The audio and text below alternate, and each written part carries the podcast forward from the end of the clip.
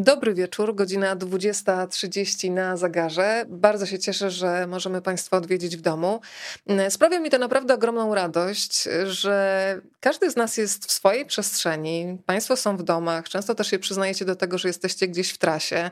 E, ostatnio byłyś, byłyśmy razem z Marianną Janczarską na przykład w dziale makaronów w sklepie. Państwo z nami byli podczas rozmowy, więc proszę się meldować, gdzie dzisiaj jesteśmy razem z Państwem, ale czas najwyższy już przedstawić dzisiejszy dzisiejszą gościnie.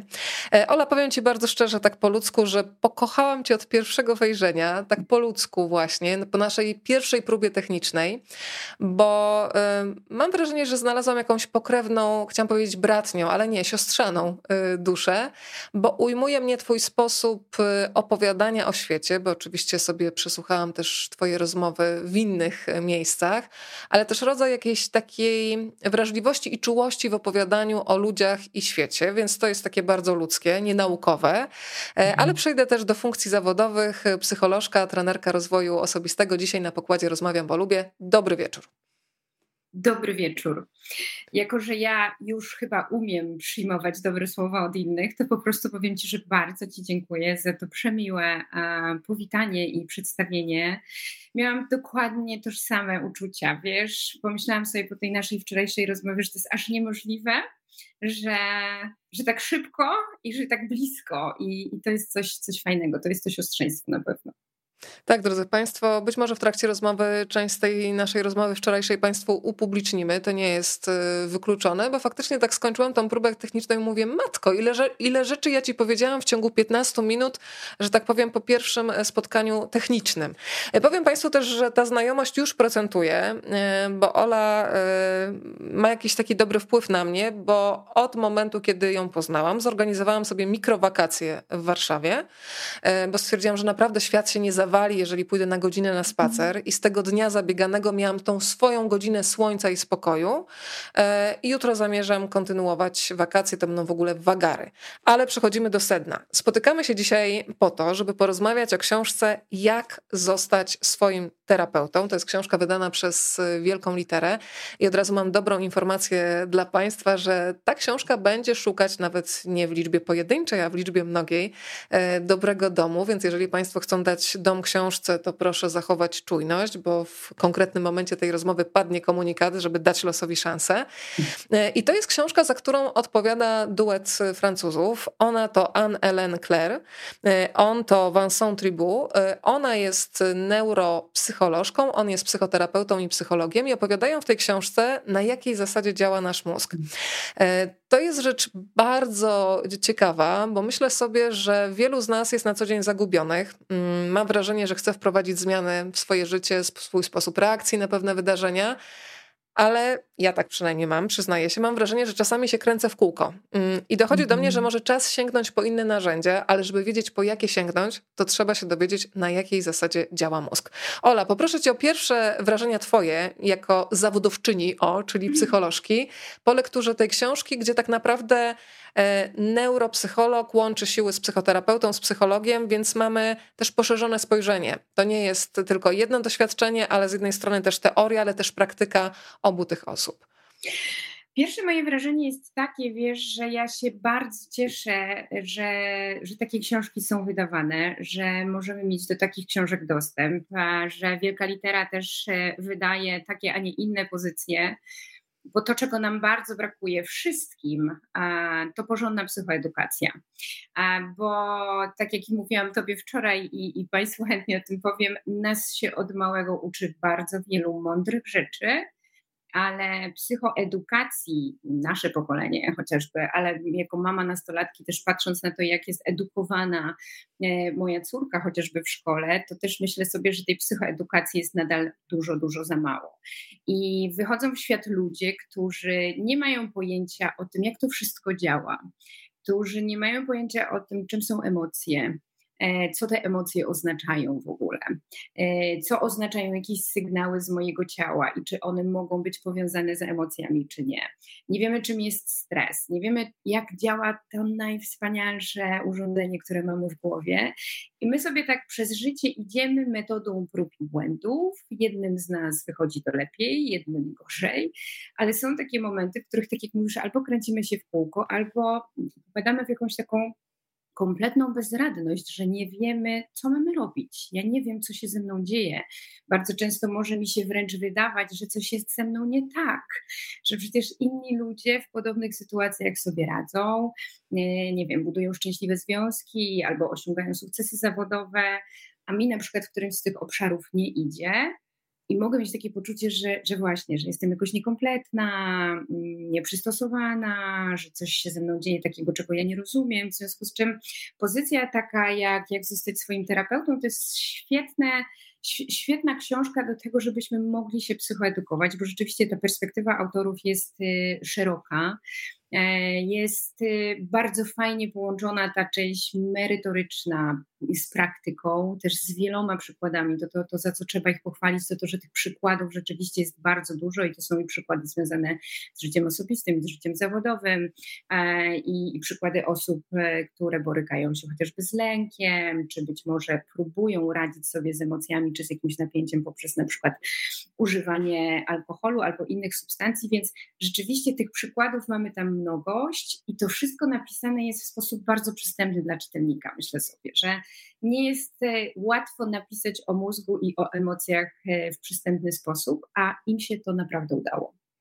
Chyba też od razu możemy powiedzieć, że ten tytuł jest trochę taki umowny, jak zostać swoim terapeutą, bo oczywiście nikt nikogo nie namawia do tego, do takiego samoleczenia, że sami wiemy wszystko, e, bo bardzo często w tej książce pojawiają się też konkretne informacje, kiedy my sobie sami nie damy rady, kiedy należy mhm. pójść do psychoterapeuty, do psychologa, e, kiedy wręcz konieczne jest to, żeby poprosić kogoś o pomoc, e, ale jednocześnie jestem przekonana, że jeżeli już od tej osoby, która ma wiedzę, dostajemy coś w rodzaju rodzaju takiej instrukcji samoobsługi, mhm. to potem mamy ten dłuższy czas, kiedy sami dla siebie jesteśmy faktycznie, tak jak mówi tytuł, terapeutą, bo już wiemy, z czego wynika jaka reakcja. Jak można e, sobie pomóc w danym momencie, kiedy znowu czujemy, że, nie, że dochodzimy do ściany, to znowu można wrócić, więc e, tam też jest jasno powiedziane, że proszenie o pomoc to jest tak. e, bardzo ważna i, i potrzebna rzecz. Ja w ogóle bardzo doceniam to, że rzeczywiście ten e, mm, komentarz, że w takiej w takiej sytuacji, jeśli to i to ci nie pomaga, jeśli próbowałaś, próbowałeś tego i tego, skorzystaj z pomocy psychologa, psychoterapeuty bądź lekarza psychiatry, że ten komentarz pojawia się tak często, ponieważ ja trochę z perspektywy psycholożki obawiam się czasami takich poradników y, psychologicznych czy, czy pop psychologicznych, jak to czasami sobie określam, właśnie ze względu na to, że to może być trochę pułapka, że, że ktoś nam obieca, że jak zastosujemy taką i taką metodę, to na pewno sobie pomożemy. A trzeba mówić bardzo wprost i, i, i bardzo często to powtarzać, że są sytuacje, w których nie jesteśmy w stanie poradzić sobie sami i po to jesteśmy my eksperci w obszarze zdrowia psychicznego, specjaliści, żeby ludziom w trudnych sytuacjach pomagać. A, ty, a tych trudnych sytuacji, o, patrząc na ostatnie lata życia człowieka na tym świecie, jest cała masa. Jest bardzo dużo globalnych trudności. E, była pandemia, myśmy ją tak trochę już zamknęli, ale to nie oznacza, że ona nie zrobiła nam czegoś być może warto się też nad tym pochylić. Mamy wojnę, mamy kryzys gospodarczy, mamy mm, zbliżającą się katastrofę klimatyczną, a oprócz tego każdy z nas ma swoje trudności. Może osobiste, może w relacji jakiejś swojej intymnej, może jako rodzic, a może w pracy. Tego jest naprawdę bardzo, bardzo dużo. I rzeczywiście jest tak, że mm, kondycja psychiczna człowieka dzisiaj nie jest w najlepszym stanie i my coraz częściej dochodzimy do takiej ściany, w której rzeczywiście nie jesteśmy w stanie poradzić sobie sami. Ale to nie oznacza, że nie możemy próbować różnych metod i jeśli możemy korzystać z metod, które wywodzą się z nurtów terapeutycznych, które mają swoje ugruntowanie w nauce, są potwierdzone empirycznie, no to warto z tego korzystać i próbować sobie pomagać, bo to jest tak jak jeśli boli mnie noga, no to robię sobie jakieś tam okłady, coś próbuję zrobić, ale w momencie, w którym nic nie działa, to wiem, że, że, że, że muszę się udać do lekarza. I tutaj jest bardzo, bardzo podobnie. Widzę, że z każdą minutą ilość tutaj osób zgromadzonych rośnie, więc bardzo się z tego cieszę. A są Państwo na przykład razem z nami w Gdańsku, e, w Opatowie. E, na pokładzie są też widzowie z Niemiec. Mamy oczywiście Londyn, czyli Piotr Stały Bywalec. E, Turku się melduje. Kto się jeszcze melduje? Głuszyca Górna w Górach Sowich. O, jakie piękne o. miejsca tutaj się w jednym miejscu. Ozorkowo, uwielbiam nazwę e, pani Mariolo e, z pani miejsca. Mamy też Rawicz, mamy Wrzosową. Drodzy Państwo, to też można pączkować z tym spotkaniem w bardzo prosty sposób. Pod tymi oknami, w których jesteśmy zalą widoczną, jest taki guzik jak udostępnij. Wystarczy, że go Państwo nacisnąć, nacisną i ta rozmowa pojawi się automatycznie na facebookowej osi czasu. Ale widzę, że też są Państwo razem z nami na YouTubie, wtedy trzeba skopiować link, podesłać do swoich znajomych i e, poczujemy się tutaj jak w takim bliskim e, kręgu, mhm.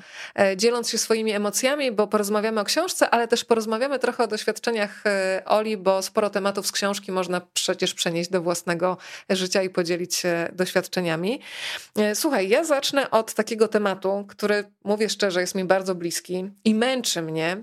Mam wrażenie, że od kilku lat uczę się, strasznie się uczę i to jest strasznie męczące odpoczywania. Jest taki mhm. rozdział w tej książce, jak zostać swoim terapeutą, dotyczący perfekcjonizmu, który nie mam co do tego wątpliwości, potrafi odebrać radość życia. E, I tam w bardzo konkretny sposób mamy opis tego, jak działają neurony i że one też mają swoją wytrzymałość, tak jak mhm. mięsień. I jeżeli przeładowujemy głowę, to tak naprawdę odnosimy przeciwny skutek niż ten, który byśmy sobie zaplanowały. Powiedz trochę o tym perfekcjonizmie, o sztuce odpoczywania i jak często do ciebie przychodzą ludzie, kobiety, mężczyźni, którzy mówią, nawet się śmieją czasami, że to już jest paradoksalne, że trzeba tak mhm. ciężko się napracować, żeby nauczyć się odpoczywać. Och, czasem sobie myślę, że to jest w ogóle strasznie smutne, że, że my w wieku trzydziestu kilku, czterdziestu kilku, a może nawet więcej lat odkrywamy właśnie, że tego nie umiemy. My wszystkie wzorowe uczennice i uczniowie, silni mężczyźni, silne kobiety, potrafimy naprawdę zakasać rękawy i przenosić góry, ale zapominamy o tym, że to, w czym żyjemy, nasze ciało, nasz organizm, nasza emocjonalność, nasza psychika, bo to jest wszystko ze sobą połączone, że to bardzo, bardzo potrzebuje regeneracji.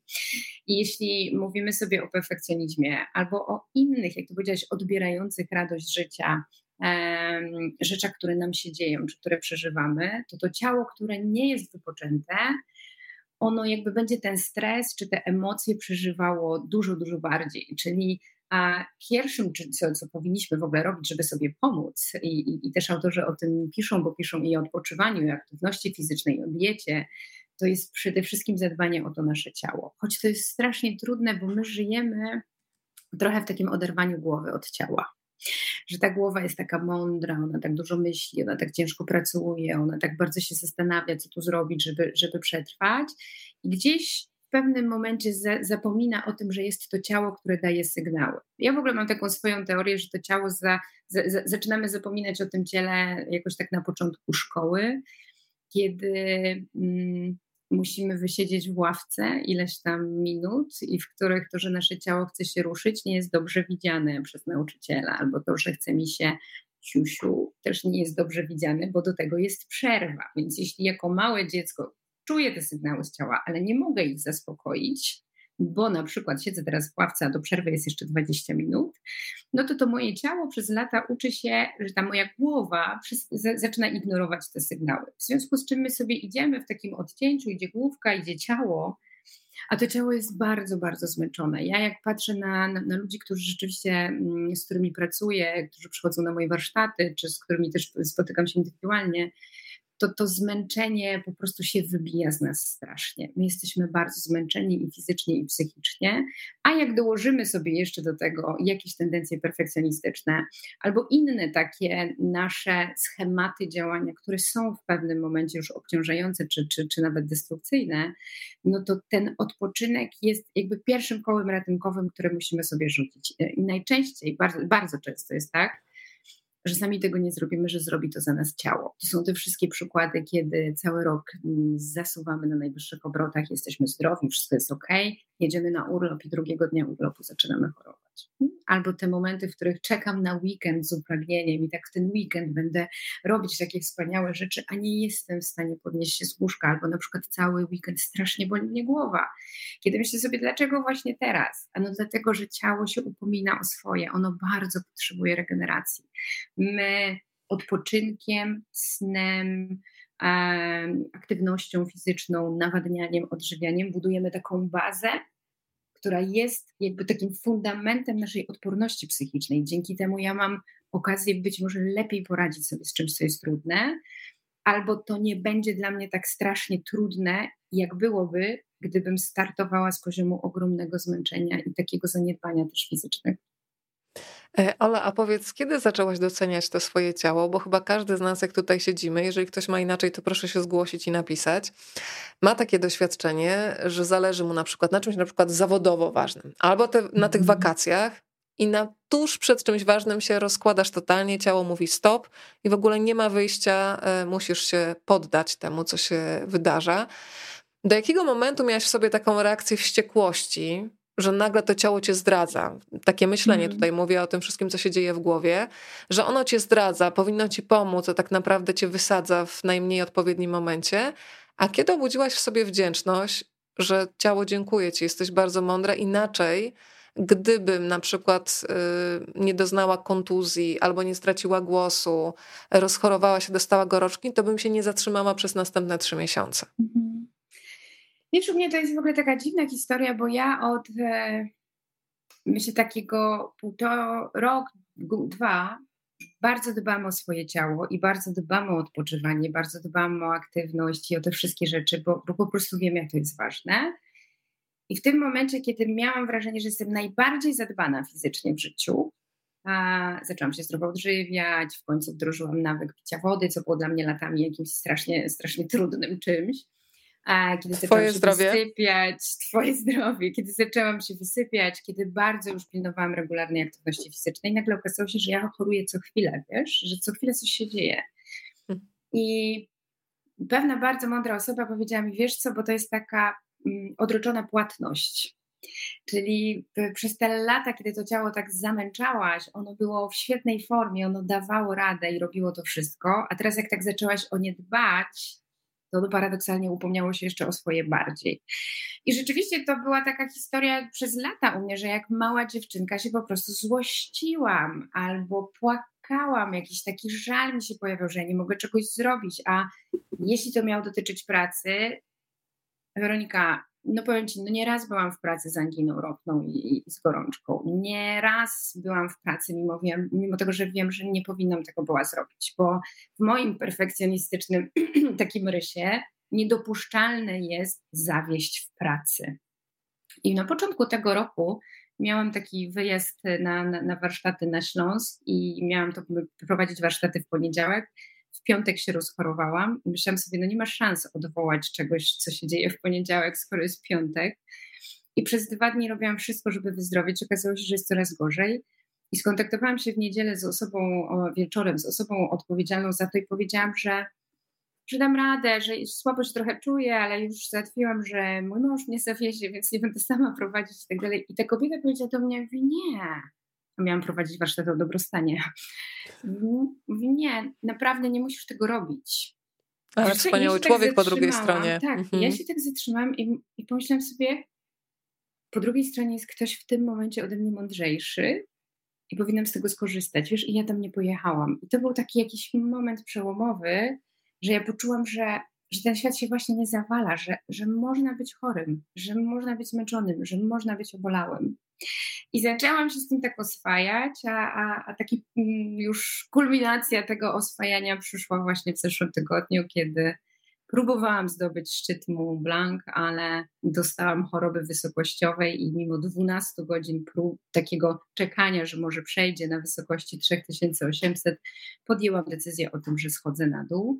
I po raz pierwszy nie byłam rozczarowana sobą, ani swoim ciałem, ani jakaś rozżalona, tylko zeszłam z taką wielką zgodą, że to ciało podjęło za mnie decyzję, że ta góra nie jest aktualnie dla nas, może nigdy nie będzie.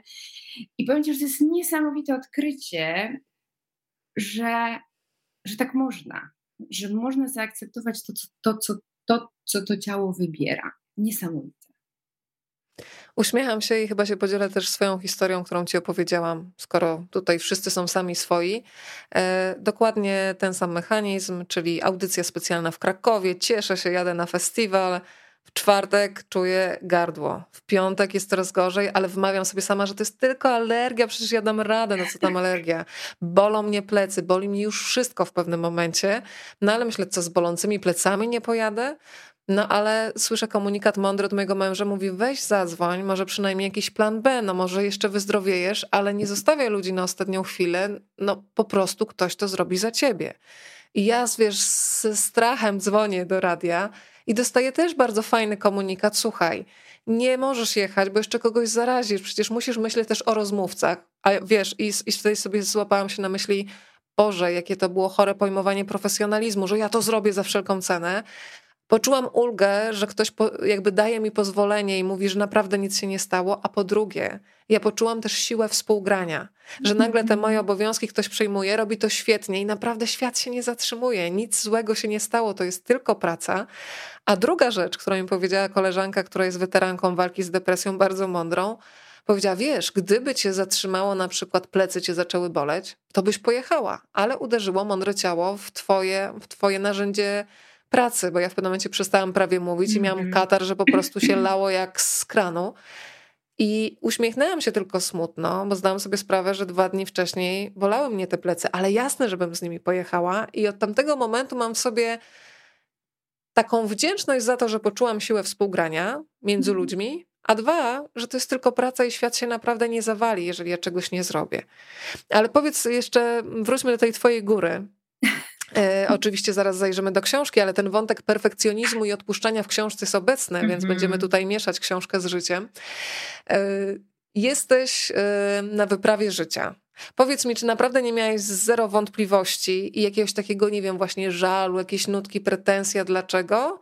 E, I, i, co cię, I co się działo w twojej głowie w momencie, kiedy schodziłaś? Czy to był też rodzaj ulgi? Ja marzyłam o tym wyjeździe 5 lat i przez 5 lat powtarzałam w domu, że jeśli pojadę tam, a nie wejdę na tą górę, bo na przykład w ogóle nie, nie, nawet, wiesz, nawet nie przewidywałam, że moje ciało odmówi posłuszeństwa, czy że wybierze inaczej, tylko przewidywałam, że pogoda będzie kiepska, że, że góra nie puści, jak to, jak to się mówi. I myślałam sobie, jak to się nie uda, to ja będę rozpaczać. Ja nie wytrzymam tego. Przecież nie można nie zrealizować takiego marzenia, jak już jest tam, czekało się na to tyle lat. To też nie, nie, nie, nie jest jakoś strasznie tanie wydarzenie. I wiesz co? To ciało tak strasznie bolało tam na tej wysokości, że ja nawet Oczywiście czekałam tam dwa, kilkanaście godzin z nadzieją, że to puści ten, ten ból, który czułam, ale on rzeczywiście nie puszczał i, i, i z każdą kolejną minutą ja już po prostu bardzo chciałam być na dole. I jak zeszłam na dół, to jedyne, co czułam, to ulga. Naprawdę, po prostu ulga. I też takie, też takie myślenie właśnie, że, że to ciało jest mądrzejsze po prostu od mojej głowy. Ono, ono w ten sposób wybrało. Może tak właśnie miało być, może to i nawet lepiej, że tak się stało, ale potrzebowałam chyba wielu, wielu lat też takiej pracy sama ze sobą, żeby do tego momentu dojść. Ja nadal minął tydzień i ja jestem jeszcze w lekkim szoku, że, że, że, że tak jest, że, że to rozgoryczenie się nie pojawiło. Po prostu no, no, nie byłam w stanie tego zrobić. I myślę sobie, że to można przekuć na, na, na wiele innych naszych obszarów, że my tak strasznie wzrastamy przez lata z takim poczuciem, że, że te cele trzeba realizować, jakiekolwiek te cele nie są, że że jeśli czegoś nie zrealizuję, a w przypadku perfekcjonistów na, na 138%, to to świadczy o mojej jakiejś słabości, nie wiem, braku kompetencji itd., tak itd., tak że my, my tak strasznie sobie to życie utrudniamy w ten sposób. A są sytuacje i, i myślę, że to jest w ogóle najwyż, najwyższa sztuka rozwoju, zresztą o tym też piszą autorzy, w których jedyne, co możesz zrobić dla siebie dobrego i dla, dla, dla, dla świata być może, to zaakceptować, że nie masz wpływu, że nie możesz po prostu nic zrobić, jak bardzo byś nie chciała, po prostu nie masz wpływu. I myślę sobie, że to jest w ogóle dojrzałość. Nie? Akceptowanie, akceptacja taka emocjonalna też jest ogromnym takim sygnałem dojrzałości nas jako ludzi. Drodzy Państwo, witam kolejnych na pokładzie Rozmawiam, bo lubię. E, coraz więcej nas z każdą minutą. Jak zostać swoim terapeutą? To jest książka, która jest dzisiaj pretekstem do naszej rozmowy. Teoria i praktyka panowania nad mózgiem i emocjami. E, to porozmawiamy trochę o takich rzeczach, które sobie warto przypominać e, w momencie, kiedy chcemy na przykład uniknąć natrętnych myśli. E, w ogóle może zatrzymajmy się przy czymś, co też dzisiaj jest e, plagą, bo z kim nie rozmawiam, to bardzo często pojawia się motyw e, stanów lękowych, ataków mhm. paniki, czegoś, co potrafi być paraliżujące i powoduje, że część osób zamyka się w domach i nie wychodzi. I to już jest jeden, jedna z tych sytuacji, kiedy trzeba poprosić o pomoc, trzeba porozmawiać ze specjalistą. Jak jest z tym lękiem i odwagą, Ola? Bo ja mam wrażenie, mm. że to są tak naprawdę dobrzy sąsiedzi, że ta odwaga bez lęku nie istnieje. E, tylko jak się tutaj poruszać w takim sąsiedztwie, bo jest to bardzo trudne i wiele osób, mam wrażenie, że chowa różne trudne doświadczenia w sobie, a mam wrażenie, że kiedy się o nich powie głośno, to zaczyna się budzić wspólnota doświadczeń i ludzie obserwując różne osoby myślą, ojej, on, ona ma tak jak ja, a jednak próbuje, e, sięga po to życie, cieszy się z tego życia, przyjmuje ten strach. Powiedz trochę o tym, bo ten wątek e, lęku, ataków paniki mhm. również w książce się pojawia. O, to wątek, na którym byśmy mogli pewnie osobną rozmowę przeprowadzić.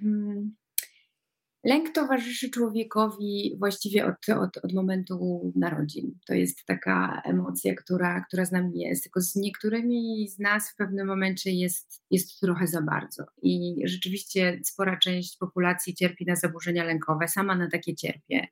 I sama wiem bardzo dobrze, co to znaczy e, przeżycia tak paniki i co to znaczy po ataku paniki bać się kolejnego ataku paniki. Ola, e, powiedz może, zatrzymajmy się na chwilę dla tych, bo wiem, że część osób od razu już wie o co chodzi. Gdybyś mm -hmm. mogła podać takie przykłady symptomów, które już zapowiadają atak paniki, bo ja też y, wiem z opowieści, że często ludzie dopiero jak słyszą od innych ludzi, to identyfikują w swoim życiu sytuację na przykład sprzed trzech miesięcy, czasem mm -hmm. nawet mhm. sprzed pół roku i mówią: Ojej, przecież mnie też się to zdarzyło i nie wiedziałem, czy nie wiedziałam tak naprawdę do czego doszło i zbagatelizowałem, zepchnąłem to ze strachu właśnie dalej, e, a to jest właśnie to. Tak, to rzeczywiście dobrze doprecyzować, bo też my no, trochę tak w języku używamy tego określenia wpadłam w panikę, czy, czy, czy, tak. czy, czy, czy, miałam właśnie atak paniki, czy myślałam, że dostanę ataku paniki. Natomiast rzeczywiście, jeśli chodzi o, e, o, tak, o, o takie objawy prawdziwego napadu lęku panicznego, one mogą się trochę między sobą różnić e, jakby osobowościowo, ale jest to taki moment, który przychodzi nagle, nie wiadomo skąd. Może przyjść w każdej sytuacji. Ja ostatnio miałam dwa napady po prostu prowadząc samochód i, i, i było to też strasznie nieprzyjemne. I to jest taki moment, może się zacząć lekkim zawrotem głowy, może się ten zawrót głowy za chwilę połączyć z takim uczuciem duszności, kucia w klatce, szybkiego bicia serca, pulsowania w głowie. Do tego często dochodzi takie uczucie dezorientacji albo takiej wręcz depersonalizacji, czyli wydaje mi się, że że jestem, tak jakbym widziała tę sytuację z boku i że ze mną się dzieje coś złego i bardzo często pojawia się w tym też taka, takie paniczne przerażenie, że, że coś się ze mną dzieje i że ja za chwilę umrę. E, atak paniki często jest powodem wzywania pogotowia, bo człowiek myśli, że ma zawał na przykład, albo że, że ma jakiś atak duszności, nie może oddychać, a okazuje się po przyjeździe na przykład pogotowia, czy po pojechaniu na na SOR, że to jest nic innego, tylko rzeczywiście napad lęku panicznego. Jest to e, taki stan, który może trwać od kilku do kilkunastu minut, ale on mija. Wspaniale mieć obok siebie wtedy człowieka, który, który będzie przy nas w tym momencie i który powie, że to minie, który, który będzie do nas spokojnie mówił, ponieważ ten nasz mózg emocjonalny, czyli ciało migdałowate, które bardzo, bardzo jakby składa się z lęku, w takiej sytuacji jakby potęguje każde doznanie z ciała jako, jako doznanie zagrażające życiu. W związku z czym dobrze jest mieć obok kogoś, ale też dobrze znać sposoby, e, jakby opanowania tego, tego, te, tego lęku. Ja mam taki swój, to mogę się z Państwem podzielić, bo, bo, bo być może się przyda.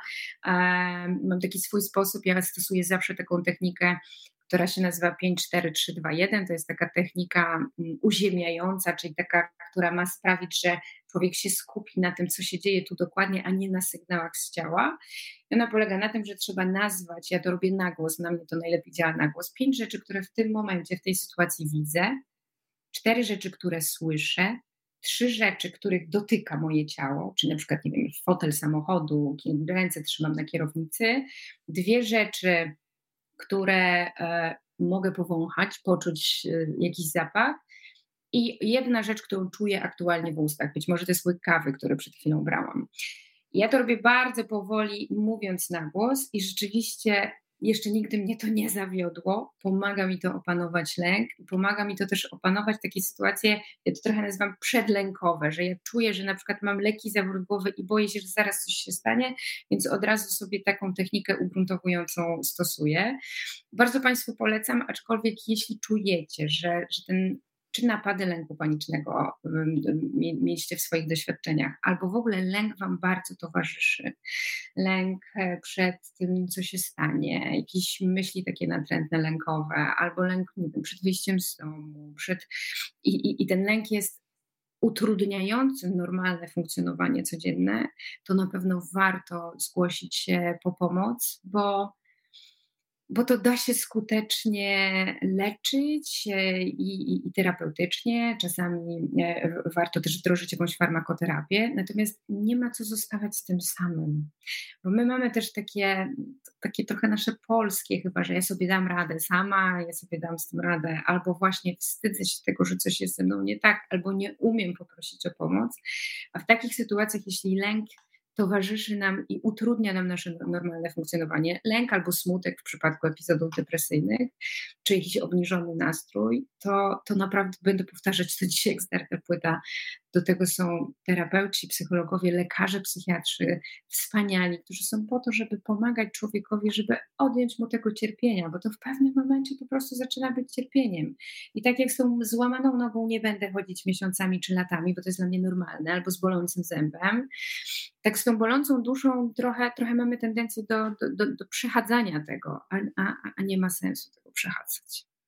Takie techniki kotwiczenia również Państwo znajdą w książce, o której dzisiaj rozmawiamy. E, bardzo ważne jest dla mnie to, co powiedziałaś, że warto też dzielić się z ludźmi taką informacją, że cierpię na przykład na ataki paniki.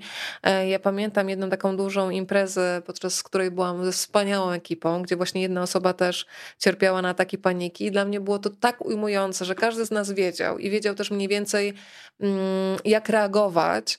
E, I to dawało takie wspólne poczucie siły i też takiej otwartości, że każdy mógł się odsłonić z tym wszystkim, e, co niósł w sobie i pomyślałam sobie o ogromnej oszczędności energii, że mhm. już ta osoba, która się czegoś obawia, nie musi jeszcze marnować energii, żeby pokazać, że wszystko jest ok, chociaż w środku dzieje się coś bardzo złego, tylko może to z siebie wyrzucić i mieć pewność, że dostanie pomoc. E, więc to jest też taka bardzo ważna e, sprawa. To ja...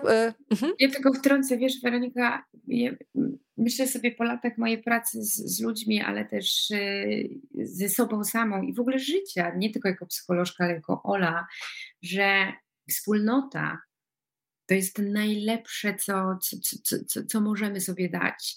E, w całej idei też samo współczucia jednym z tych kluczowych elementów jest właśnie takie poczucie e, wspólnoty ludzkich doświadczeń i dlatego ja nie mam absolutnie żadnego problemu, żeby Państwu powiedzieć, że, że, że ja miewam takie ataki, bo mi bardzo zależy na tym, żebyśmy my wiedzieli, że to nie jest ze mną coś nie tak, że mnie takie rzeczy spotykają. Tak jest po prostu. To jest okej, okay, tak, żebyśmy normalizowali to, że dzieją się z nami różne rzeczy. Czy to są zaburzenia lękowe, czy to są zaburzenia depresyjne, czy to będą jakieś inne trudności, z którymi się borykamy.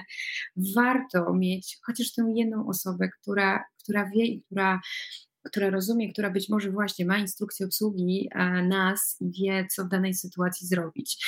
Warto w ogóle z ludźmi mówić o tym, jak się czujemy. To jest kolejna rzecz, której nas nikt nie nauczył, żeby rozmawiać nie tylko o, o tych rzeczach ważnych w życiu, takich e, z poziomu głowy, ale żeby pytać ludzi, jak się, jak się dzisiaj czujesz, jak się masz, co u ciebie, jaka emocja ci ostatnio towarzyszy. My, my, my nadal tego za bardzo nie umiemy, a super by było, gdybyśmy umieli i też bardzo fajnie w książce jest wytłumaczony ten podział na mózg emocjonalny i, i, i ten mózg taki racjonalny.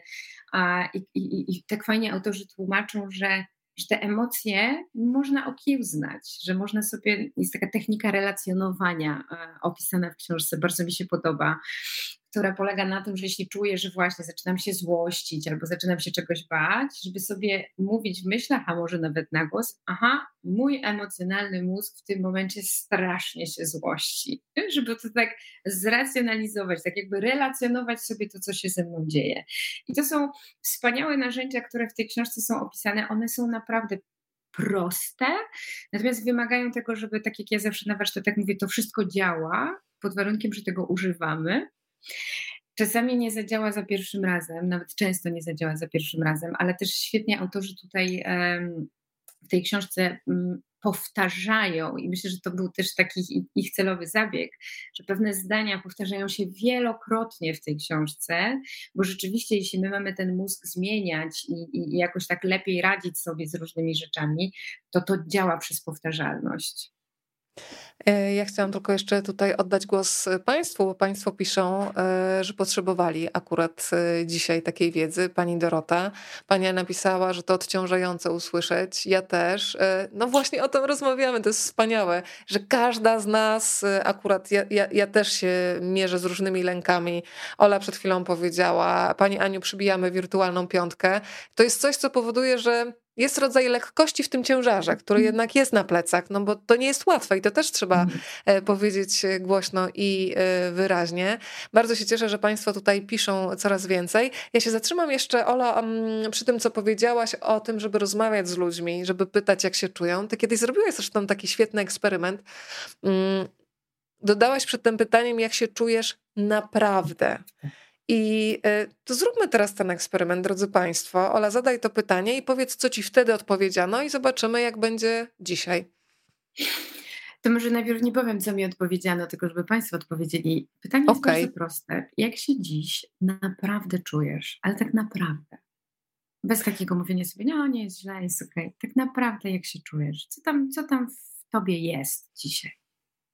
To czekamy na odpowiedzi. Zanim one się tutaj e, nam zmaterializują, to porozmawiajmy trochę jeszcze o plastyczności mózgu, bo to jest bardzo pocieszające, kiedy przeczytałam u Anny Ellen Clare i u pana Vincenta Tribu, e, że w zasadzie do, mm, do pana, u pana Vincent Tribu, może tak tutaj jeszcze raz wymówię, bo mój francuski państwo wybaczą, to jest jedna z moich słabości e, mm, napisali coś świetnego, że ten mózg się praktycznie może rozwijać, zmieniać te połączenia pomiędzy neuronami, uczyć się nowych rzeczy aż do 90 roku życia. I myślę, że to jest ogromna przestrzeń do działania.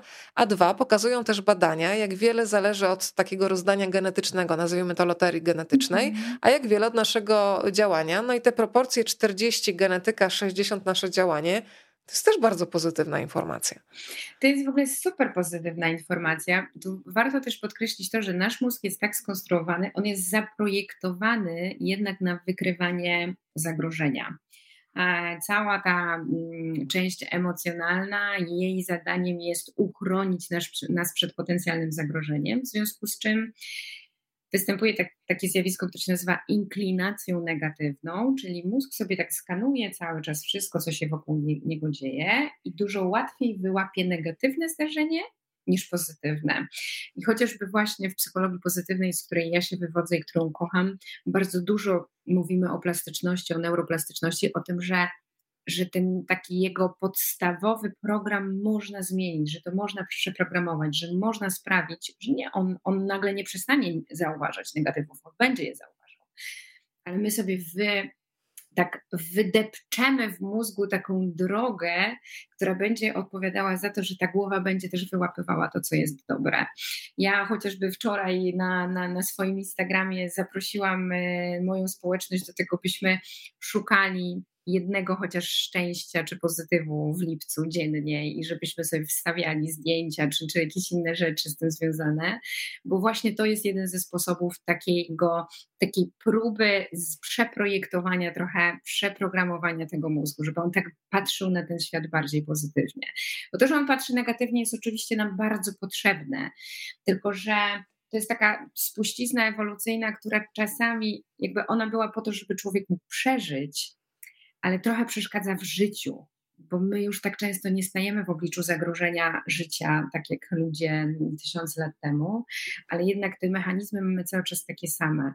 W związku z czym neuroplastyczność jest niesamowita do tego, żeby wykorzystywać trochę ją na, na, na, swoją korzyść, żeby trochę sobie zaprojektować tę głowę i swoją emocjonalność tak, żeby ona nas wspierała a nie ściągała nas w dół, a nie sprawiała, że na przykład będzie większe ryzyko rozwinięcia się jakiegoś zaburzenia natury psychicznej, albo w ogóle, żeby ona sprawiała, ta nasza głowa, że nam będzie dobrze w życiu, że, że, że, że będziemy spokojniejsi, że nie będziemy mieli tak dużo tych negatywnych myśli, że będziemy być może lepiej radzić sobie ze stresem. Więc rzeczywiście ta informacja, że do 90 roku życia mamy szansę tę głowę zmieniać, jest bardzo, bardzo pozytywna. Ja sobie nawet, wiesz, zanotowałam prostą rzecz, niby oczywistą, że mózg działa jednotorowo i faktycznie przypominam sobie wiele sytuacji z życia, kiedy pierwszy raz spróbowałam ścianki wspinaczkowej, w ogóle miałam tak wyczyszczoną głowę z problemów, bo ja się skupiałam na tym, żeby nie spaść. E, dzisiaj sobie zobaczyłam, że są takie obrazy, które można malować, są zaznaczone numerki, z którego wychodzi obraz i musisz się skoncentrować, żeby nie wyjść za tę linię, żeby to wszystko ci się ułożyło. Mówię, chyba sobie zamówię. Ale słuchaj, są już odpowiedzi na pytanie, jak się dziś naprawdę czujesz. E, no i mamy pełen przekrój emocji, czyli tak jak jest w życiu.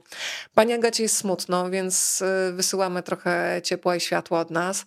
Przytłoczona i smutna pani Ania bezsilna, więc jeżeli dobre słowo może być chociaż namiastką siły, to, to proszę przyjąć. E, smutna i słaba e, pomógł spacer. Pani Małgosiu też przytulamy. E, tutaj u pani Moniki zadowolenie dzisiaj, bardzo się cieszę. Ania pisze o roller coasterze emocji, aż właśnie czuje odprężenie. To wspaniałe. Zmęczona pani Martina, mm, to tej regeneracji życzymy. Cały czas po pracy odpoczywałam, więc czuję się zrelaksowana zrelaksowana, leżę na balkonie. Bardzo przyjemne okoliczności do słuchania. Radość bije tutaj od y, Ani. Y, wspaniale. Y, u Wandy wszystko zgodnie z planem. Bardzo lubię ten opis. Ekstra, bo kupiłam sobie ładne gadki na lato. A ja dzisiaj wskoczyłam w sukienkę, które, o której zapomniałam i w ogóle odkryłam, jak fajnie jest zawirować w sukience. Dawno się jak mała dziewczynka nie kręciłam. E, kolejny wpis czuje się wypruta, emocjonalnie rozciągnięta jak guma w gaciach. Bardzo lubię ten konkret, bo tak bywa i pewnie każda z nas coś takiego doskonale pamięta. Jest e, i zadowolenie, jest e, taka diagnoza, autodiagnoza jak dobrze w procesie. Zainteresowana, zadowolona, plejada emocji, w tym momencie wdzięczność. Dobrze mi. Życzę Państwu, żebyście jak najczęściej mogli wypowiadać to zdanie dobrze i właśnie też ze świadomością, że to nie zawsze, ale życzę, żeby było e, jak najczęściej. E, czuję w sobie opór to też jest ciekawe, żeby coś mhm. takiego w sobie zdiagnozować, prawda, Ola? Opór. Jestem w ogóle jakby zachwycona tymi odpowiedziami, bo przyznam Państwu szczerze, że rzeczywiście od czasu pandemii prowadzę taki swój eksperyment, że pytam ludzi, zadaję to pytanie na, na, na moich warsztatach, na szkoleniach, które prowadzę.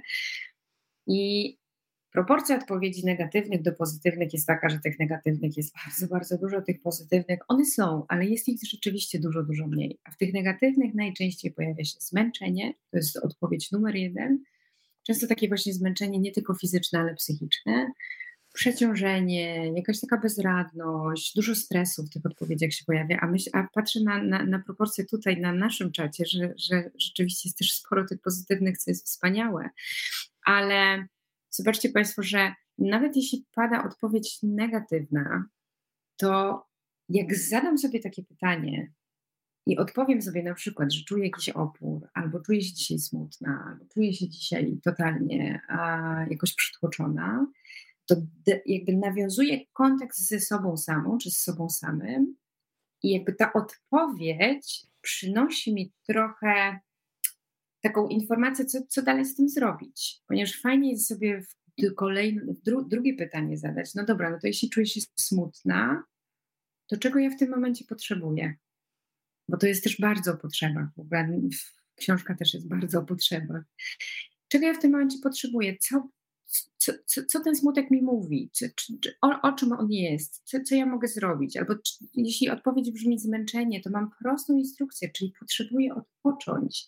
I może nie mam dzisiaj, nie wiem, jutro szansy tego zrobić przez cały dzień, bo idę do pracy, ale może mogę być taka przez cały dzień bardzo, bardzo uważna na to, żeby wykorzystać każdą możliwą minutę na to, żeby poodpoczywać żeby być może właśnie pójść na spacer, tak jak tutaj ktoś napisał, uważam, że spacer jest absolutnie jednym z najlepszych lekarstw terapeutycznych, czyli jeśli zadaję, nawiązuję kontakt ze sobą, co ja czuję, to mogę sobie powiedzieć, czego potrzebuję i sobie to dać. Bo to, co my często bardzo robimy, to sobie właśnie nie nawiązujemy kontaktu z tymi emocjami, a te emocje, które w nas są, bardzo często właśnie pobudzają tę głowę, która zaczyna bardzo negatywnie myśleć tak zawęża w ogóle widzenie, bo pamiętajcie Państwo, że jeśli przeżywamy emocję negatywną, to nam się tak zawęża patrzenie na świat. I wtedy nam się wydaje, że tylko my tak mamy, że nikt nie ma ciężko tak jak ja, że jestem w tym tak strasznie samotna, że nic nie da się z tym zrobić. I skupia się to patrzenie też na tym problemie. I ten problem jest, i on się w tej głowie tak mieli, mieli, mieli, mieli. I właśnie nawiązanie kontaktu z tą emocją może mi pomóc zatrzymać to trochę, poszerzyć to pole widzenia i tak otworzyć tę, tę racjonalną y, część naszej głowy i powiedzieć, co ja mogę zrobić? Przecież ja nie muszę bezradnie się temu poddawać. Nie chodzi absolutnie o to, żeby wypierać negatywne emocje, czy wypierać negatywne stany. Absolutnie nie. Chodzi o to, żeby właśnie nawiązać z nimi taki kontakt i, i zastanowić się, skąd to jest. Bo jeśli na przykład jestem wściekła, zła, to złość jest informacją o tym, że ktoś lub coś przekracza w jakiś sposób moje granice. Ja powinnam tych granic teraz bronić, bo ta złość się nie bierze znikąd. Jeśli jestem smutna, to znaczy, że być może coś właśnie utraciłam. Albo jeśli jestem smutna, to być może właśnie to jest taka informacja dla mnie, żeby trochę spowolnić, trochę się zregenerować, albo poprosić kogoś o pomoc, żeby ktoś pobył ze mną. I ta jednotorowość, wiesz, głowy, ona jest i dobra, i zła, bo z jednej strony, jeśli my się skupimy tylko na negatywnym doświadczeniu, to, to, to, to jest to takie duże zawężenie. Ale ta dobra strona jednotorowości jest taka, że na przykład, jeśli czuję, że, że mam w sobie te emocje, dużo jakiegoś takiego niepokoju, albo te myśli są takie negatywne, to ja mogę się im albo poddać, albo na przykład pójść i wypielić mój warzywnik. I jak zacznę pielić w tym warzywniku, to gwarantuję Państwu, że, że ten stan opadnie. Nie da się pielić i myśleć o tych bardzo złych rzeczach, albo zbierać grzybów. No, bardzo polecam też zbieranie grzybów albo szukanie bursztynów na plaży. Czyli taka koncentracja na czymś, albo różne techniki mindfulness czy uważności, które też są opisane w książce. Więc fajne jest to, że, że, że, że ta książka pokazuje taką paletę przeróżnych technik i podejść. To przywołam jeden e, przykład z książki Jak zostać swoim terapeutą. E, to też jest bliska mi historia, czyli tak zwany krótki ląd. Ja wiem, że wiele osób podejrzewa, że jestem oazą spokoju, nic bardziej błędnego. Bardzo szybko potrafię wybuchnąć, na szczęście potrafię też przepraszać. E, I tam jest taka cudowna metafora, chyba się Ola zgodzisz, mentos i cola. I też informacje na temat tego, jak można pracować na tak zwanym krótkim lądem, czyli żeby trochę spowolnić reakcję albo przynajmniej obniżyć siłę rażenia. Bo to da się zrobić z korzyścią dla innych i dla siebie również, więc wróćmy do tego Mentosa i Coli. Mhm. No wszyscy Państwo tutaj obecni, którzy wiedzą, co to krótki ląd i wiedzą, że emocja jest... E... On, ona przychodzi czasami bardzo szybko, osiąga bardzo szybko duże natężenie, ale jeśli jest spowolnię w jakiś sposób tę reakcję, to nie będzie tego wybuchu. A, ten wybuch czasami ani nam nie jest potrzebny, ani nie jest otoczeniu potrzebny, bo w tym wybuchu czasami właśnie obrywa się komuś bliskiemu, albo czasami zupełnie komuś przypadkowemu. I tu się pojawia to pojęcie regulacji emocji. A jeśli ona się pojawia jest bardzo intensywna, a nie jestem taką osobą impulsywną, taką reaktywną, to to, co mogę zrobić i naprawdę da się to zrobić, to właśnie spróbować spowolnić reakcję. Jednym ze sposobów jest znowu nazywanie nawet na głos tego, co ja czuję, czyli myślę sobie, aha, jestem zła. Już samo to, że ja zaczynam mówić, mogę sobie napisać nawet na kartce, jestem zła, jestem wściekła albo boję się w tym momencie, już będzie spowalniało taką reakcję, która za tą emocją silną pójdzie. można nastawić sobie na przykład, nie wiem, mm, timer na 30 sekund i spróbować przez te 30 sekund oddychać. Myśleć sobie, zanim cokolwiek powiem w tej sytuacji, albo zanim cokolwiek zrobię w tej sytuacji, to przez te 30 sekund poczekam jeszcze. I często jest tak, że po tych 30 sekundach ta emocja w nas jest już słabsza, ona już nie jest tak bardzo silna, czyli nie pójdzie za nią taka od razu silna reakcja. Czyli próbujemy prze, prze, przerwać taki cykl akcja-reakcja, włożyć tam pośrodku taki moment przerwy, spowolnienia, żeby włączyć tę przednią część mózgu odpowiedzialną właśnie za nasze racjonalne działania, racjonalne decyzje i, i, i, i, i takie panowanie nad naszym emocjonalnym zachowaniem. I wtedy rzeczywiście ta nasza impulsywność ma mm, szansę zostać trochę okiełznana.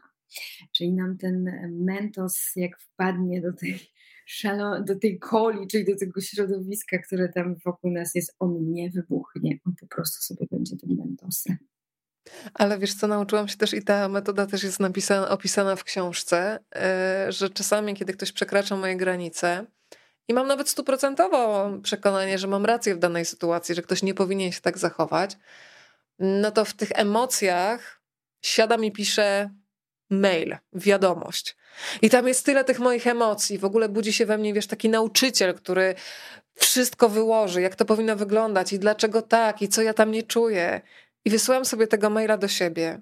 Jak go czytam rano, to zaczynam się śmiać, bo to jest y, dość zabawne nawet. I jeżeli po tym teście nocy uznam, że no jednak ja muszę dać sygnał, ale skracam mniej więcej tę wiadomość o trzy czwarte, żeby wysłać, ale też jakby nie marnować swojej energii, bo też nikt mnie nie prosi o ocenę, więc po co ja się tutaj będę wyrywać. I ta metoda z wysłaniem maila do siebie, zanim on gdzieś pójdzie dalej, jest bardzo fajna, a przecież e, teraz sobie przypomniałam stare czasy korporacyjne, że też e, no miałam mnóstwo znajomych, którzy z kolei mieli jeszcze lepszą metodę, ale to, to jest ta z tym krótkim lądem, czyli mail do wszystkich.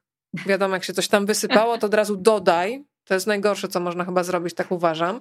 E, więc zanim Państwo dodadzą do wszystkich, to może najpierw warto wysłać do siebie, przetestować przez nos i, i stwierdzić, czy, czy to naprawdę jest potrzebne. Jeżeli jest to oczywiście, bo są takie sytuacje, że to jest potrzebne, ale ten moment spowalniania, nie wiem, miałaś coś takiego, czy, czy jesteś bardziej wyważona ode mnie? Nie, nie, nie, ja mam bardzo krótki.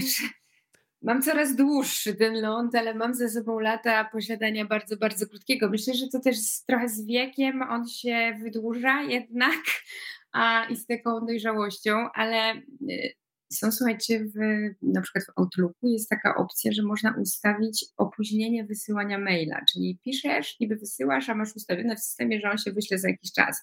I właśnie jak czasami pod wpływem tych emocji chcemy coś napisać, to nawet można napisać, a później za chwilę sprawdzić i myślę, okej, okay, nie, nie, bo czasami to nie musi być noc. To czasami jest tak, tak, że ja mogę napisać nawet treść tej wiadomości, maila czy SMS-a, wyjść sobie do kuchni po szklankę wody, wrócę i już spojrzę na to coś na o nie.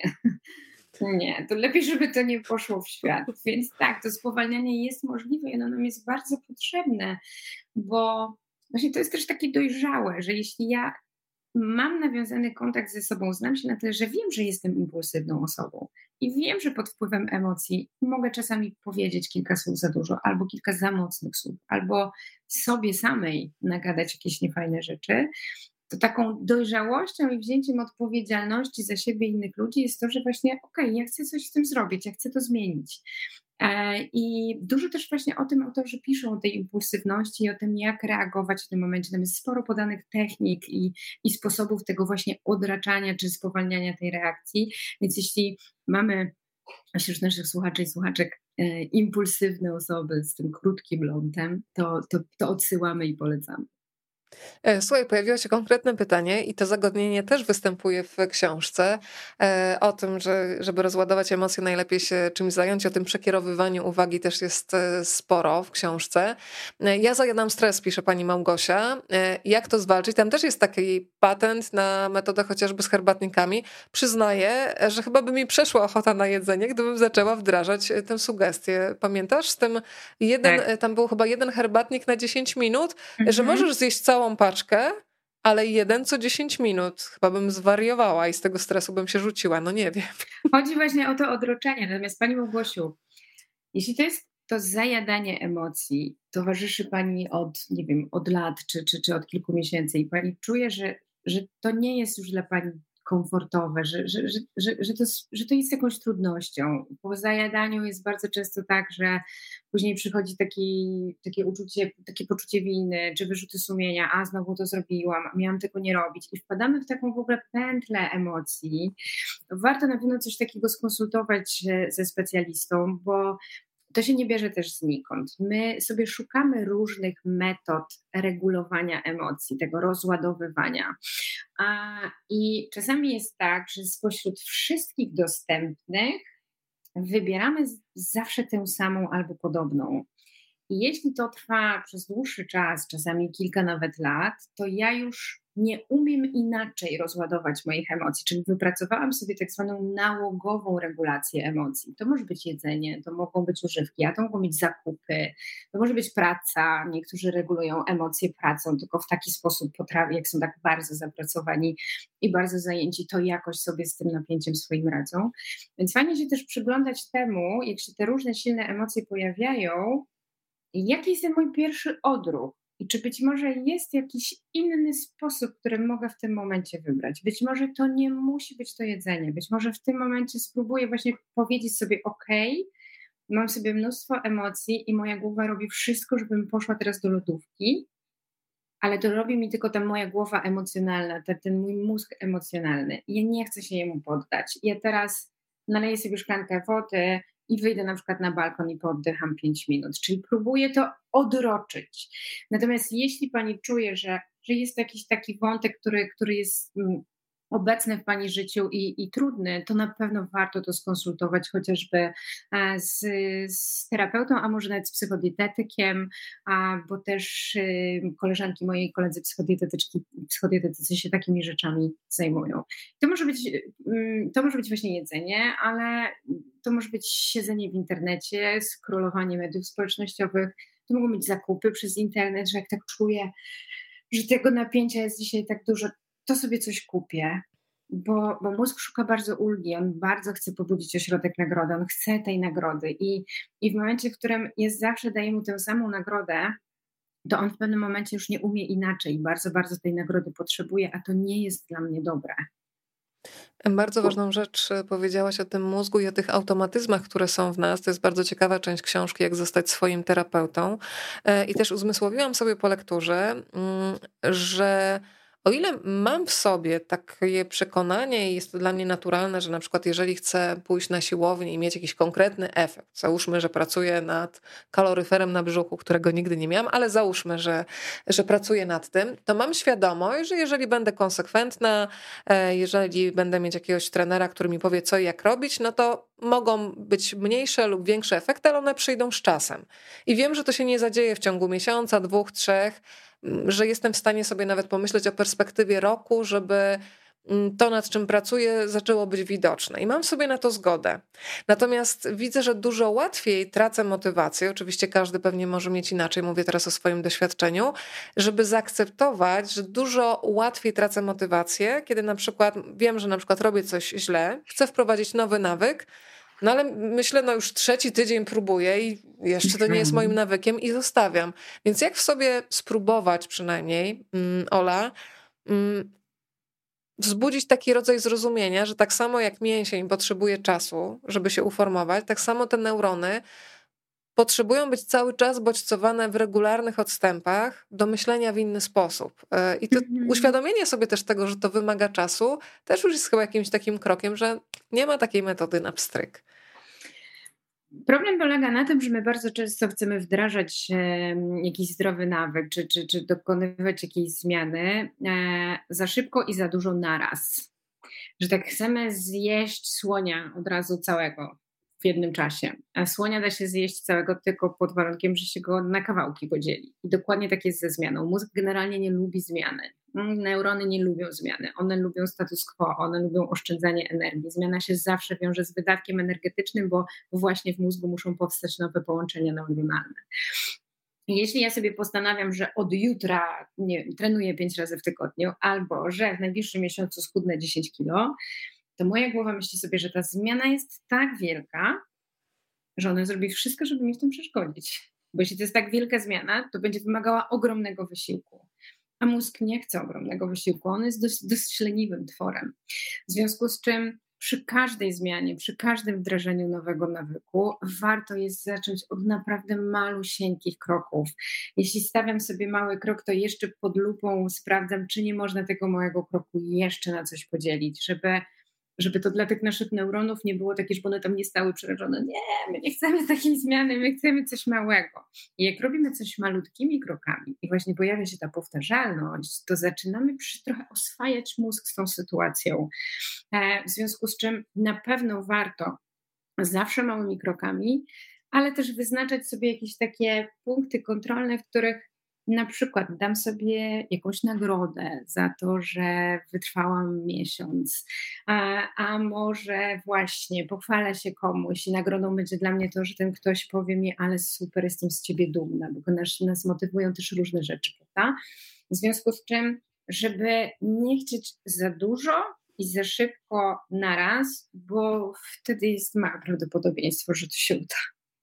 Powiem Ci, że czytam teraz taką książkę o pani logopedce, która pracuje z dziećmi między innymi autystycznymi, mm, taką metodą, taki mówik, taki tablet, który daje dzieciom, które nie potrafią mówić, posługiwać się w taki prosty sposób jak my słowami, w formie takiego komunikatora i zachwycające jest dla mnie to, jaki to jest też zawód wymagający cierpliwości, że tam czasami sukcesy w postaci jednego słowa, dwóch, mhm. jakiegoś sensu, który wybrzmi, to są słowa, które się pojawiają na przykład po kilku miesiącach miesiącach pracy, po roku czasem, ale też y, podkreślone jest to, że warto właśnie świętować takie mikro, małe zwycięstwa e, i nie mhm. zniechęcać się, bo bez tego roku pracy nie może być e, możliwy postęp, który potem często e, znacznie szybciej już tak. następuje, ale trzeba ten rok powalczyć o to, żeby to się mogło wydarzyć. Słuchaj, zaglądam na stronę 40 mm, w książce i tam się pojawia między innymi temat zniekształceń poznawczych. To mhm. powiedzmy trochę o tych zniekształceniach, strona 40, żeby ci było łatwiej bazować na tym materiale, które dzisiaj mamy wspólnie tutaj do, do omówienia z naszą grupą studentów i studentek, którzy są na pokładzie tak naprawdę przyjaciół, myślę, internetowych ludzi, którzy po prostu mają podobną wrażliwość. Mm, pogadajmy trochę w ogóle o tym, czym są zniekształcenia poznawcze i że warto sobie uświadomić, że każdy z nas jakieś zniekształcenie w sobie ma w tym oglądzie rzeczywistości. Najpierw uświadomić, a potem można coś z tym robić. Tak. Zniekształcenia poznawcze to są trochę takie okulary, przez które my patrzymy na świat. One powstają w dużej mierze w naszym wczesnym dzieciństwie. Później trochę przejmujemy je i od rodziców, od dziadków, od nauczycieli, od innych ludzi. Nasza głowa się w ten sposób kształtuje i później tak postrzega rzeczywistość i jest przekonana, że to jest prawidłowe postrzeganie rzeczywistości. Tutaj pierwszym wymienionym jest takie zniekształcenie, które się nazywa wszystko albo nic, czyli takie moje silne wewnętrzne przekonanie, że jest albo dobrze, albo źle. Czyli takie czarno-białe myślenie. I ja idę przez życie myśląc tylko i wyłącznie właśnie w ten sposób, postrzegając wszystko, że jest albo wspaniale, albo tragicznie, że nie mogę, nie dostrzegam takich obszarów szarości, że że nie umiem zaakceptować właśnie, że na przykład właśnie, że jak mi coś nie wyszło, no to to jest już kompletny dramat. A nie mając tego zniekształcenia poznawczego, akurat tego, nie mogę sobie łatwiej wytłumaczyć, ok, to nie wyszło, ale stały się takie i takie rzeczy, albo na przykład wyszło chociaż tyle. A? A co my tutaj jeszcze mamy? Nadmierne uogólnianie, czyli takie przekonanie, na przykład te, sporo takich irracjonalnych przekonań nadmiernie uogólniających, że świat jest jakiś, a ludzie to są tacy, a wszyscy robią w ten sposób, a każdy to, to, to, to, to coś tam, a nie każdy i nie wszyscy, bo, bo, bo nie ma takiej możliwości, żeby każdy i wszyscy robili w ten sam sposób. E, to są takie przekonania nasze o tym, jak ten świat powinien wyglądać, i my jesteśmy do nich bardzo, bardzo przywiązani. I chociażby mm, w procesie mm, psychoterapii poznawczo-behawioralnej właśnie pracuje się nad takim a, odkryciem, jakimi zniekształceniami ja postrzegam świat, jak ta moja głowa pracuje, jakie mam przekonania też na temat tego świata, siebie, innych ludzi, jakie myśli, i pracuje się nad zmianą tego, tego postrzegania. W związku z tym, jakby no, zniekształcenie, jak sama nazwa wskazuje, ono zniekształca nasz obraz, a zależy nam na tym, żeby jednak mieć ten obraz bardziej racjonalny, obiektywny i taki, który będzie nas wspierał, a nie gdzieś zawężał w jakiś bardzo konkretny sposób nasze działanie, nasze reakcje, emocje itd. Tak itd. E, ja sobie też zaznaczyłam e, coś, e, co wywoła kolejny wątek z tej książki: efekt niejednoznaczności, selektywna uwaga.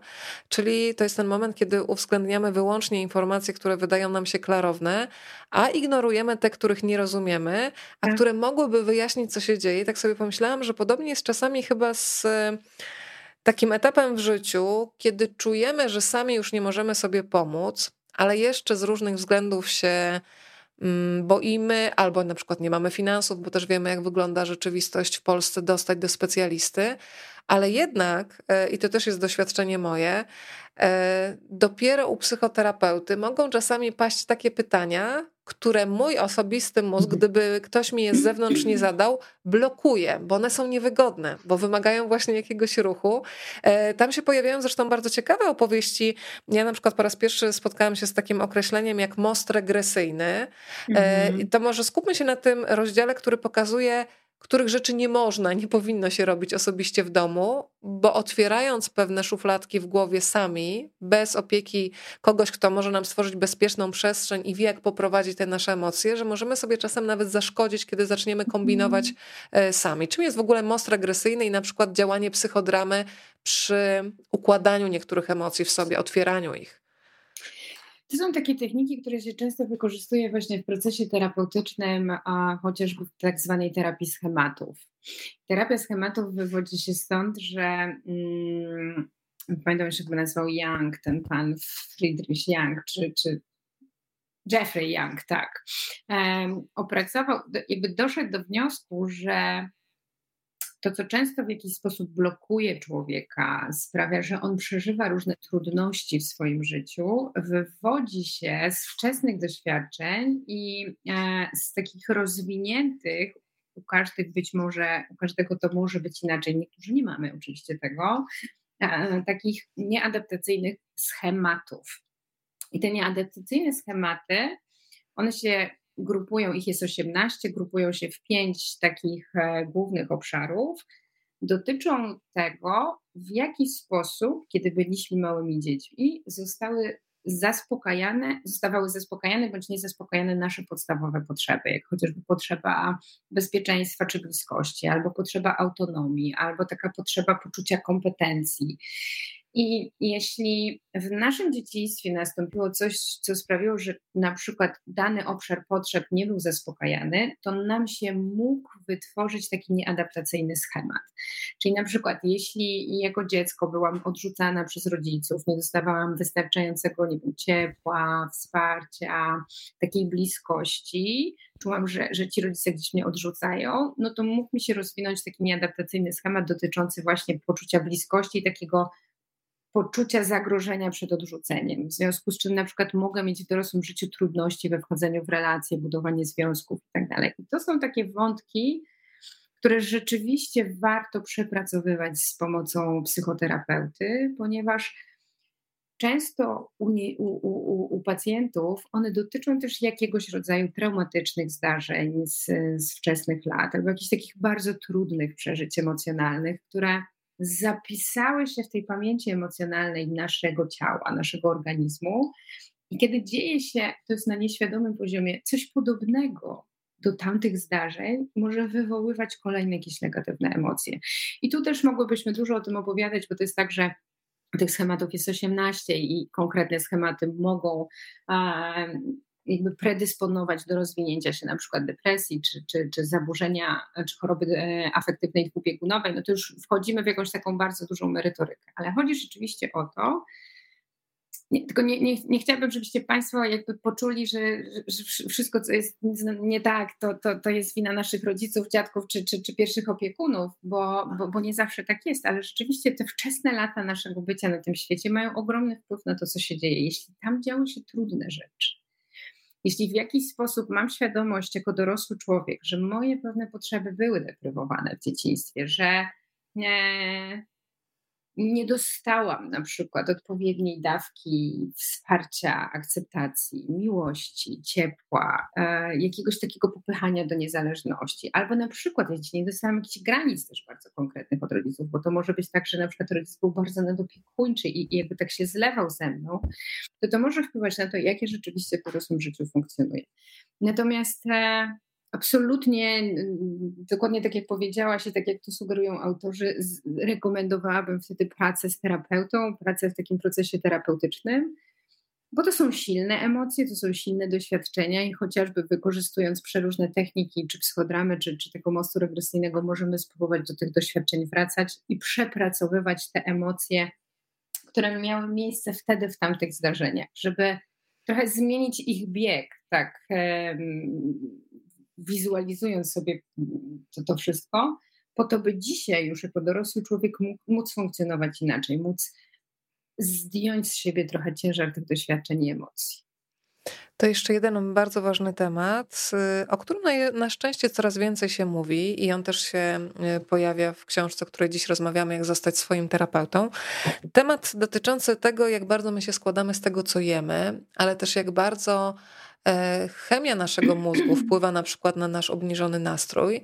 I tam się pojawia kilka przykładów, ale myślę, że możemy sięgnąć po coś bardzo bliskiego, zresztą jak pokazują statystyki wielu kobietom, mężczyznom również, choroby tarczycy, ale też choroby związane z jelitami. Wspomniałaś sama koleżanki fantastyczne psychodietetyczki.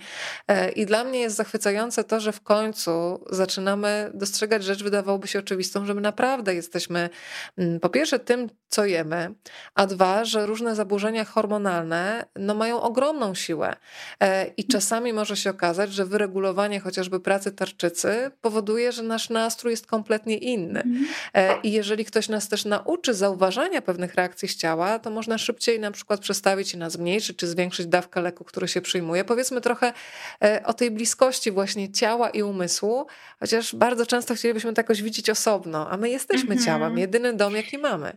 Absolutnie tak. Ja podam Państwu nawet przykład taki, bo mm, tarczyca i hormony jak najbardziej jakby czujesz, że, że, że to jest bliżej, ale ja dowiedziałam się jakiś czas temu, kiedy miałam taki moment w życiu, w którym bardzo bolała mnie głowa i w którym byłam bardzo zmęczona i w którym miałam takie stany depresyjne. E, już nawet rozważałam wizytę u, u, u, u lekarza psychiatry, ale jakoś tak to był taki moment, w którym zrobiłam pełen pakiet badań i okazało się, że mam jakiś koszmarny niedobór witaminy B12 i witaminy D3 i że niedobory na poziomie chociażby właśnie witaminy B12 mogą dawać objawy tak. depresyjne. Tak. I wystarczy suplementować pod kontrolą lekarza w odpowiednich dawkach witaminę i te, te objawy z poziomu emocji, one po prostu znikną, bo ich przyczyną nie był problem w tym konkretnym przypadku, tak. tylko w tym konkretnym przypadku akurat tak. niedobór witamin. Natomiast rzeczywiście jest tak, że, że no, nie da się tego rozdzielić. Ja w ogóle nie lubię mm, tego podziału na zdrowie fizyczne i psychiczne, bo myślę sobie, że to już zakłada, że są jakieś dwa ludki w ludziku, a ludzik jest jeden. On ma jedno zdrowie, on jest jedną istotą, jednym organizmem.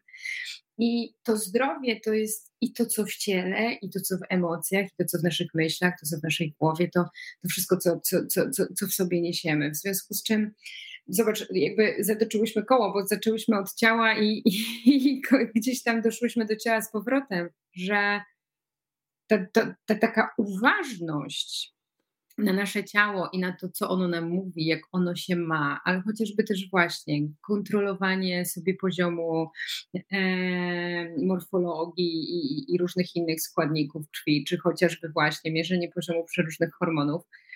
To jest troszeczkę też takie nasze wzięcie odpowiedzialności za to, jak my się mamy. Ja myślę sobie, że, że my często po prostu tak bardzo ignorujemy to zmęczenie, ten ból głowy, to coś tam, tak to wypychając, no dobra, ale muszę jutro iść do roboty, muszę to, muszę tamto, że trochę sobie jakby tak zamiatamy pod dywan i, i możemy doprowadzić do, do, do, do sytuacji, w której tego już będzie po prostu za dużo. I to ciało, bez względu na to, czy na poziomie fizycznym, czy na poziomie właśnie psychicznym, ono w jakiś sposób zaprotestuje, bo no, nie jest niezniszczalne i nie jest... Y, supermenem, ani supermenką, chociaż womanką powinnam powiedzieć.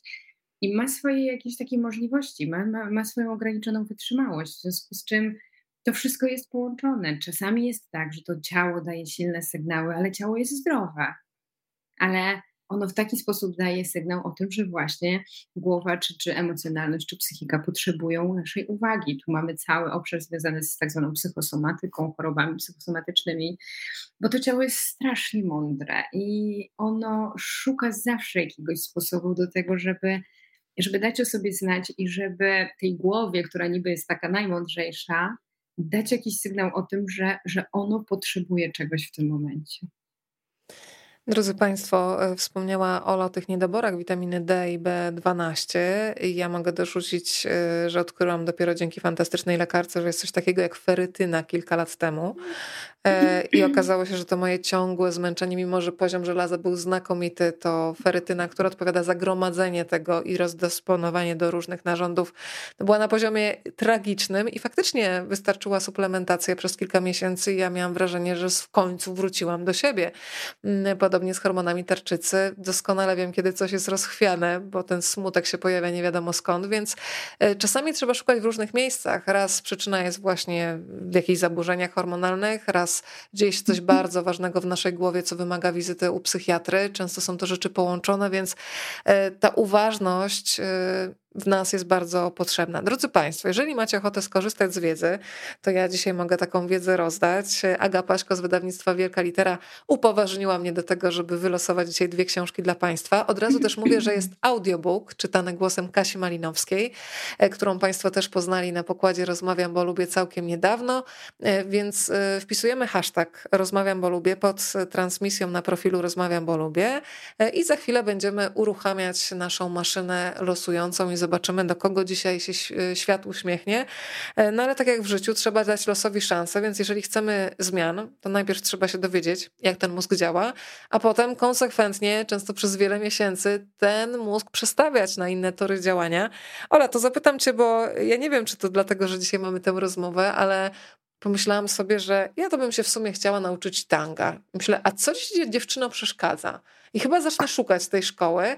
Czego nowego chciałabyś spróbować? Bo powiem ci, że ja jestem już po 40 i tym bardziej doceniam po 40 takie momenty, kiedy mam frajdę zrobienia czegoś po raz pierwszy. Bo to już jest taki etap, kiedy już w dużej mierze życie się staje powtarzalne, wykonywaniem jakichś takich czynności, które już znasz, więc chciałam cię zapytać, co ostatnio nowego zrobiłaś, czego mm. wcześniej nie próbowałaś, albo co ci chodzi po głowie, a jeszcze nie znalazłaś czasu albo odwagi, żeby to zrealizować? To jest fantastyczne, że o to pytasz, bo to ma też duży związek z neuroplastycznością, że robienie rzeczy po raz pierwszy, nowych, mm, takich, których wcześniej nie doświadczałyśmy, nie doświadczaliśmy, też buduje nowe połączenia neuronalne.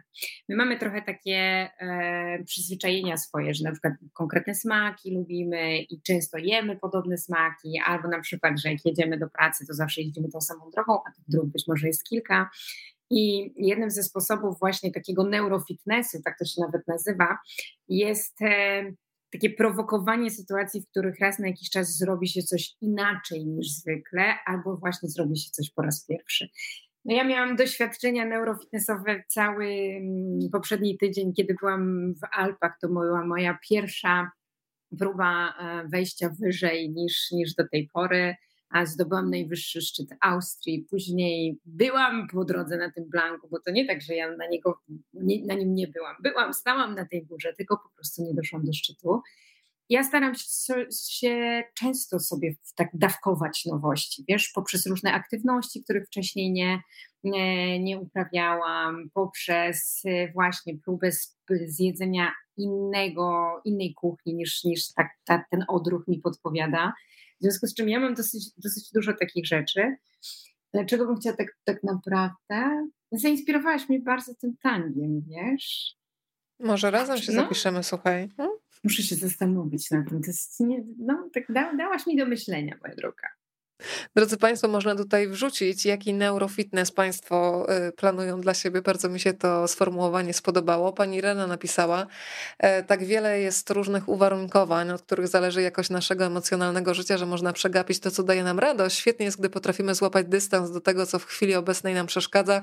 Wszystko mija, życie to przygoda, ale ładne to zdanie, że życie Pani to przygoda.